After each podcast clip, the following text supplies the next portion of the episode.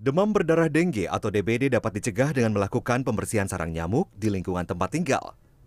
Seperti yang dilakukan Nila Sari, warga Kelurahan Kebonjeruk, Jakarta Barat ini giat membersihkan berbagai tempat yang berpotensi menjadi sarang nyamuk di rumah, terutama saat musim hujan.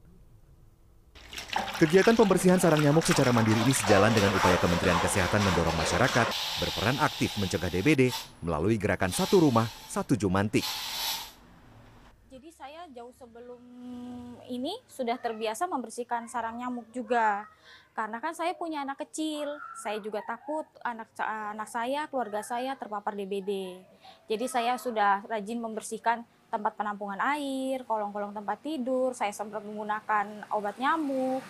Kehadiran juru pemantau jentik atau jumantik berperan penting dalam mencegah timbulnya DBD. Di Jakarta, setiap RT memiliki kader jumantik yang bertugas memantau keberadaan jentik nyamuk.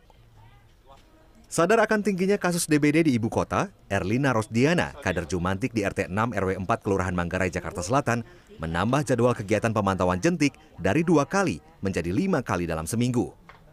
Ada 48 bangunan di RT ini yang menjadi tanggung jawabnya agar terbebas dari sarang nyamuk. Pengontrolannya itu yang dikontrol biasanya bak mandi, terus uh, dispenser, kulkas atau tempat-tempat di mana ada penampungan sampah tuh yang ada botol-botol kosong seperti itu. Bila ditemukan jentik nyamuk, biasanya saya akan uh, membuang langsung air jentiknya itu dan memberikan peringatan kepada yang punya rumah.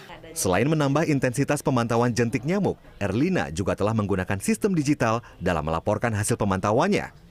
RW 4 tempat tinggalnya menjadi satu dari empat RW di Kelurahan Manggarai yang telah menerapkan pelaporan jumantik secara daring melalui formulir yang dapat diterima langsung oleh kelurahan. Lurah dengan kebijakannya mengambil report untuk membuat uh, laporan uh, dengan cara online. Uh, mengunjungi rumah, siapa pemiliknya, alamatnya di mana, uh, bak apa yang dimilikinya, apakah terdapat jentik nyamuk atau tidak, itu akan menjadi dasar yang setiap saat bisa direport langsung ke, uh, ke kelurahan. Kehadiran jumantik di setiap RT sangat diperlukan agar setiap warga teredukasi untuk melakukan pembersihan sarang nyamuk secara mandiri di lingkungan tempat tinggalnya. Kita sebagai warga sangat merasa terbantu dengan kehadiran jumantik karena uh, dengan demikian kita juga bisa mengontrol kebersihan rumah. Sebelumnya, pada 15 Juni, Kementerian Kesehatan mencatat sepanjang Januari hingga awal Juni 2022, ada lebih dari 45.387 kasus DBD terjadi di Indonesia, dengan jumlah kematian mencapai 432 kasus.